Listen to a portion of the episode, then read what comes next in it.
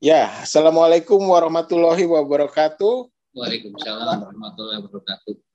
Para wargi Tribun Jabar, para Tribuners, hari ini kita kembali bertemu dalam acara Government Talk yang seperti biasa setiap pekan kita berbincang dengan para camat di Kota Bandung dan kali ini masih dalam kasus eh, atau dari masalah seputar COVID-19, masalah pandemi ini. Ya, Kali ini kita berbincang dengan Pak Camat Kecamatan Sukajadi, Pak Tubagus Agus Mulyana. Mulyadi. Selamat siang, Pak. Mulyadi, Pak. Ralat Mulyadi. Eh, Agus Mulyadi, maaf. maaf, maaf.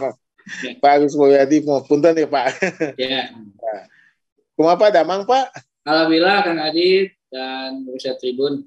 Sehat. Ya. ya, Pak. Nah Pak, ini kita bicara ringan aja nih Pak seputar COVID-19 nih yang masih ya istilahnya masih mengganggu kita lah. Pandemi ini masih berlangsung di di kota Bandung ini walaupun semakin hari semakin uh, menunjukkan uh, hasil yang apa membaik lah istilahnya ya. Nah kalau Kecamatan Sukajadi sendiri bagaimana Pak sekarang statusnya Pak?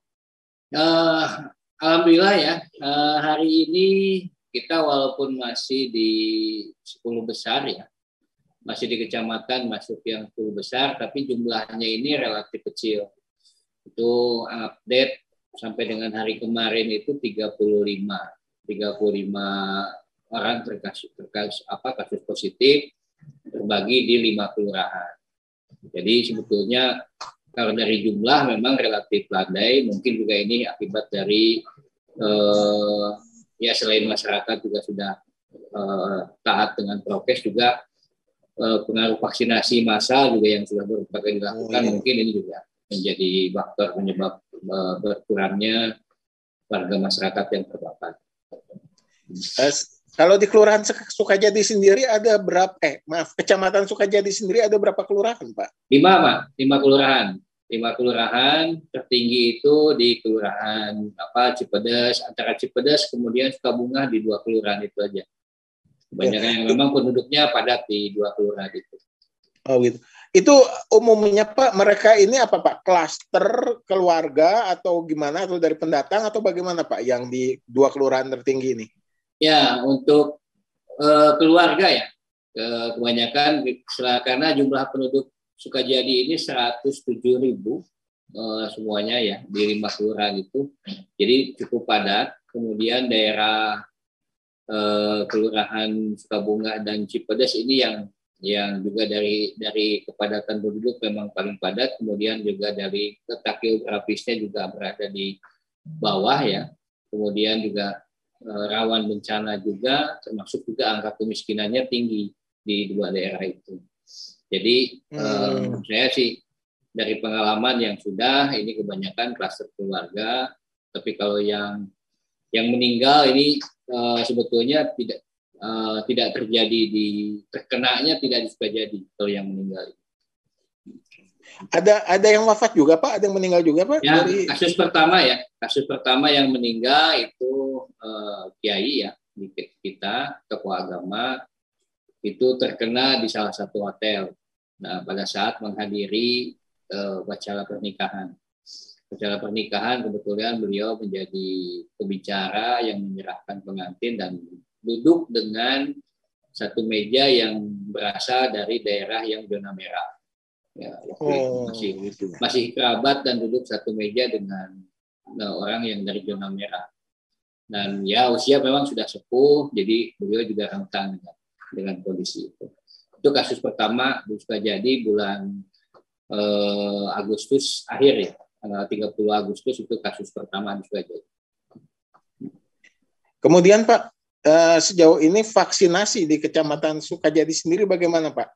Ya, sudah untuk, berapa yang divaksinasi dan ini sudah gelombang kedua ya Pak ya tadi Bapak? Ya untuk jumlah pasti mungkin kami harus konfirmasi kesehatan ya di petugas di puskesmas hanya kebetulan untuk pelaksanaan eh, tahap pertama mulai dari pelayan publik sampai dengan lansia ini sampai hari ini juga masih berjalan hmm. terus dan di tiga puskesmas itu masih berlangsung. Kemudian besok itu kita vaksinasi massal untuk tenaga pendidik yang oh, untuk persiapan ya untuk persiapan eh, apa pembelajaran tentang muka besok akan berlangsung secara serentak di tiga tempat sebanyak 1050 target yang di yang ditetapkan ya. Mudah-mudahan bisa hadir seluruhnya.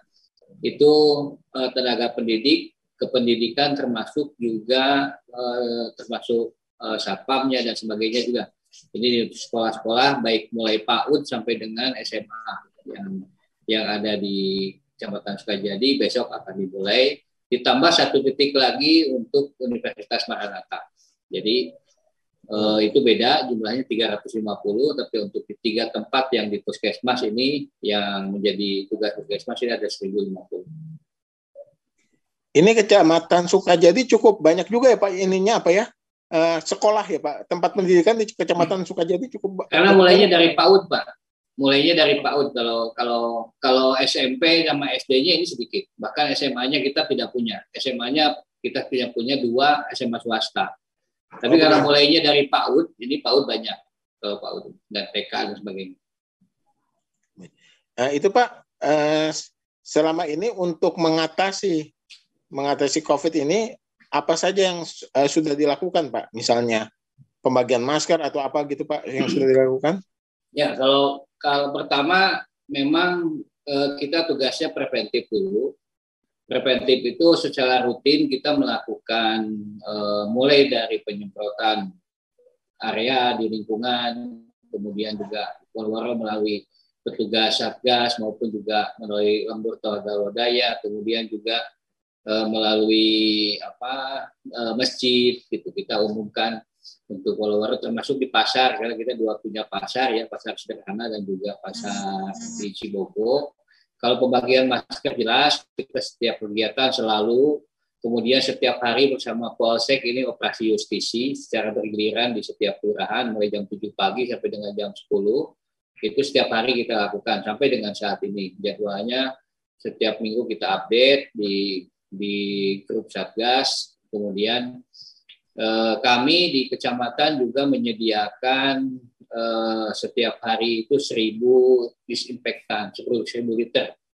Seribu liter. Ya, untuk untuk disinfektan kita siapkan di depan kantor kecamatan. Eh, ditambah juga saya sudah nambah dua titik yaitu di kelurahan Cipede satu ada di kecamatan Sukajadinya juga satu ada eh, air minum yang fungsinya juga tiga ya bisa diminum bisa menjadi disinfektan kemudian juga bisa menjadi hand sanitizer. Itu semuanya gratis kita berikan kepada masyarakat. Nah biasanya setiap sore itu dari satgas rw itu ngambil ngambil untuk hmm. penyemprotan di lingkungan dari lingkungan masing-masing. Kemudian juga bantuan sembako dan sebagainya mulai dari para pedagang kemudian disabilitas. Ini memang uh, gotong royongnya masyarakat jadi bersama uh, semua stakeholder yang ada ini memang kepeduliannya cukup tinggi di kita. Sempat ada daerah yang di lockdown kah Pak? Uh, enggak Pak. Enggak ada. ada yang di lockdown. Enggak ada, ada PPKM gitu ya, ya, apa yang sampai di steril begitu tidak ada ya? Enggak ada. Enggak ada, hanya memang di, di lokasi yang selama ini sering terjadi, itu terjadi pengetatan hanya pengetatan keluar masuk saja tidak tidak tidak mengunci secara utuh. Kalau ini sendiri Pak dalam bulan suci Ramadan ini bagaimana dengan pelaksanaan ibadah Pak khususnya di masjid-masjid apakah dipantau atau bagaimana ada ada pengawasan pembatasan? Ya. Sesuai dengan ketentuan yang diedarkan oleh Kemen, Kemenak termasuk juga hasil kita ratas eh, dengan pimpinan bahwa memang pelaksanaan ibadah seperti taraweh dan aktivitas lainnya termasuk buka bersama dan sebagainya ini juga diizinkan dengan dengan dengan ketentuan. Memang kami sudah eh, sebelum pelaksanaannya juga sudah melakukan koordinasi dan berkumpul dengan para ketua MUI dan juga para ketua DKN. Kita sosialisasikan eh, aturan selama pelaksanaan eh, selama bulan Ramadan ini mana yang bisa dan tidak Alhamdulillah sejauh ini uh, semua masjid memang melaksanakan dan dari sebelumnya pun kita sudah tahu karena Jumatan menjadi ukuran setiap Jumatan itu dalam pelaksanaan uh, protokol kesehatannya dan rata-rata sudah baik. Ada memang beberapa satu dua masjid lah ya yang memang itu bukan masalah protokol kesehatannya tidak ditetapkan, tapi memang masjidnya kecil. Masjidnya kecil, kemudian eh, masyarakatnya yang yang banyak di satu wilayah itu sehingga kita harus membagi kita membagi eh, semuanya tidak di masjid yang memang terdekat dengan lingkungan itu itu eh, protokol kesehatannya memang sulit diterapkan karena jumlah penduduk melebihi kapasitas masjid gitu, kalau seperti itu. Hmm. Tapi uh, beruntungnya di tempat itu yang seperti itu memang belum pernah ada kasus kepala. yang lucunya itu. Itu luar biasa. Nah, ini menyambut dengan tidak apa tidak diperkenankannya mudik tentu saja ini lumayan nih kecamatan Sukajadi kan lumayan padat nih ya Pak nih. Ya. Bagaimana Pak ini mengantisipasinya atau pengawasannya Pak ini? Ya, mudah-mudahan masyarakat bisa memahami ya, memahami walaupun ya suasananya sebetulnya Lebaran tanpa mudik itu seperti ada yang kurang kan ya. Tapi karena kebijakan pemerintah juga sudah menetapkan seperti itu, kami hanya bisa mengimbau dan juga meneruskan.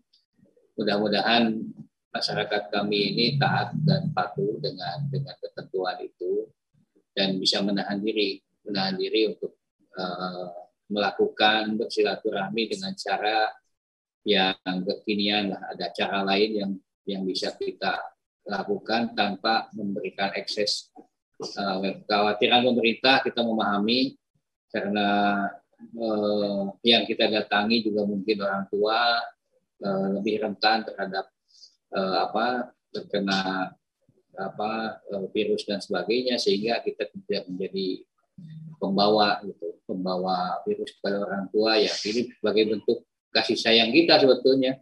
Pemahamannya kita lebih mengedepankan ya kalau menyayangi orang tua kita ya sebaiknya kita lakukan. Sementara ini lakukanlah dengan cara daring maupun juga dengan uh, cara lain yang lebih bisa mengobati kekangenan orang tua Nah ini dalam rangka apa Ramadan juga apakah Bapak ya Forkompinda Kecamatan juga ada tarling Pak nih tarawih keliling nggak nih Pak? Saya ada Pak, saya ada sambil melakukan pemantauan termasuk himbauan mudik itu. Nah, kami mulai nanti tanggal 29 29 April secara berurutan selama satu minggu itu kita uh, maraton uh, bersama Forkom Cam itu melaksanakan taring di beberapa tempat. Dan kita sudah himbau memang itu sangat singkat uh, ininya pelaksanaannya tanpa tanpa kultum dan sebagainya. Jadi surat juga pendek kemudian juga uh, artinya pembatasan waktu selama di dalam masjid ini juga tidak lebih dari setengah jam untuk pelaksanaan itu.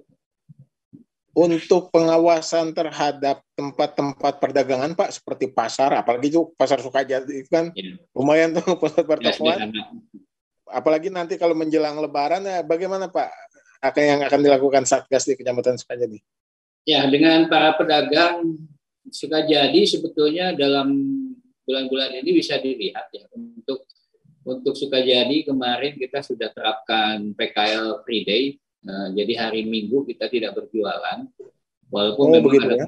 ya setiap hari Minggu uh, tidak berjualan karena uh, kita sedang melakukan penata rencana penataan untuk untuk di Jalan Sukajadi ini karena kelihatan sangat kumuh di lingkungan tersebut.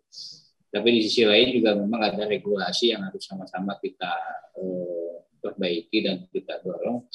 Uh, tergantung nanti dari pimpinan apakah akan merelokasi ataupun juga penataan di daerah Kajari itu.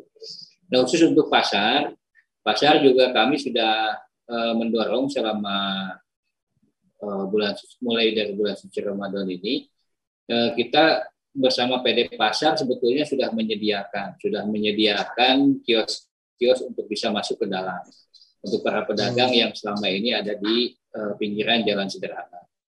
Alhamdulillah sebagian sudah masuk dan memang ini perlu adaptasi bagi pedagang yang biasa berjualan di, di jalanan kemudian mendapat kios. Ini memang pasti ada kewajiban yang harus dilakukan ada hak dan kewajiban yang harus di, dilakukan oleh para pedagang ini. Ya, ini butuh adaptasi kita sudah sudah sosialisasikan. Mudah-mudahan tujuan kami mengangkat pedagang yang tadinya non formal menjadi formal ini uh, bisa sama-sama dipahami oleh pedagang. Nah, masalah ada kepuasan atau tidak sebetulnya itu yang menjadi harus bahan evaluasi ke depan. Sama-sama kita evaluasi ke depan, tapi intinya para pedagang ini bisa masuk dulu saja ke pasar. Nah kemudian di pasarnya sendiri juga ada satgas khusus, eh, baik di mall maupun juga di di pasar. Masing-masing tempat ini sudah punya eh, satgas tersendiri. Artinya membantu kami dalam eh, apa melaksanakan monitoring dan pemantauan di areanya masing-masing ini sebetulnya lebih dipersempit oleh satgas-satgas yang ada di setiap tempat. Mungkin itu Kang Adit.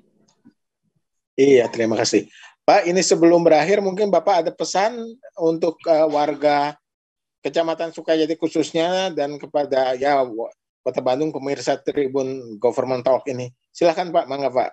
Ya, eh, pertama saya terima kasih pada Tribun Jabar sudah memberikan kesempatan pada saya untuk berbincang. Yang kedua, berbagi informasi bahwa saya alat hari ini eh, saya update Pak, supaya jadi masuk eh, ke 21 urutan ke-21 artinya uh, sudah baik dan hijau uh, mendekati hijau lah kalau 21 itu walaupun kami belum pernah di bawah ya cuma satu kali lima besar dari bawah nih. Cuma satu kali lima besar dari bawah.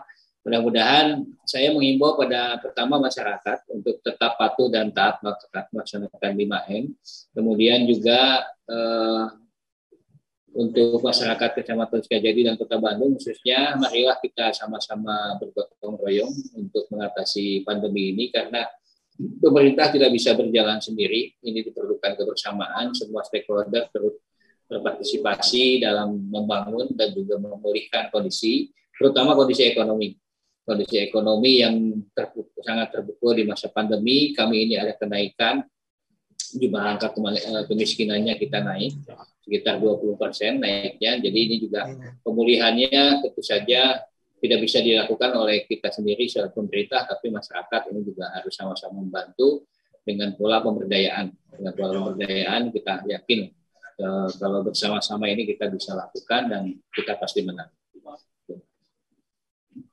Oke, terima kasih banyak Pak Hatur Nuhun, para warga Tribun Jabar, para Tribuners. Demikian perbincangan kita dengan Pak Camat Sukajadi, Pak Tubagus Agus. Dan sekali lagi kami mengingatkan kepada para wargi Tribun Jabar, para Tribuners, untuk selalu menjunjung tinggi protokol kesehatan. Jangan lupa memakai masker, selalu mencuci tangan, dan menghindari kerumunan. Dan untuk pada Ramadan kali ini, kami berharap untuk tidak mudik ya, sesuai dengan anjuran pemerintah, agar kita menghindari kerumunan, agar kita mencegah pandemi ini adalah tugas kita bersama untuk mencegah pandemi COVID-19 ini. Semoga kita semuanya sehat selalu dan uh, sekali lagi terima kasih Pak Gus, hatur nuhun pisan. Ya. Uh, Assalamualaikum. Waalaikumsalam.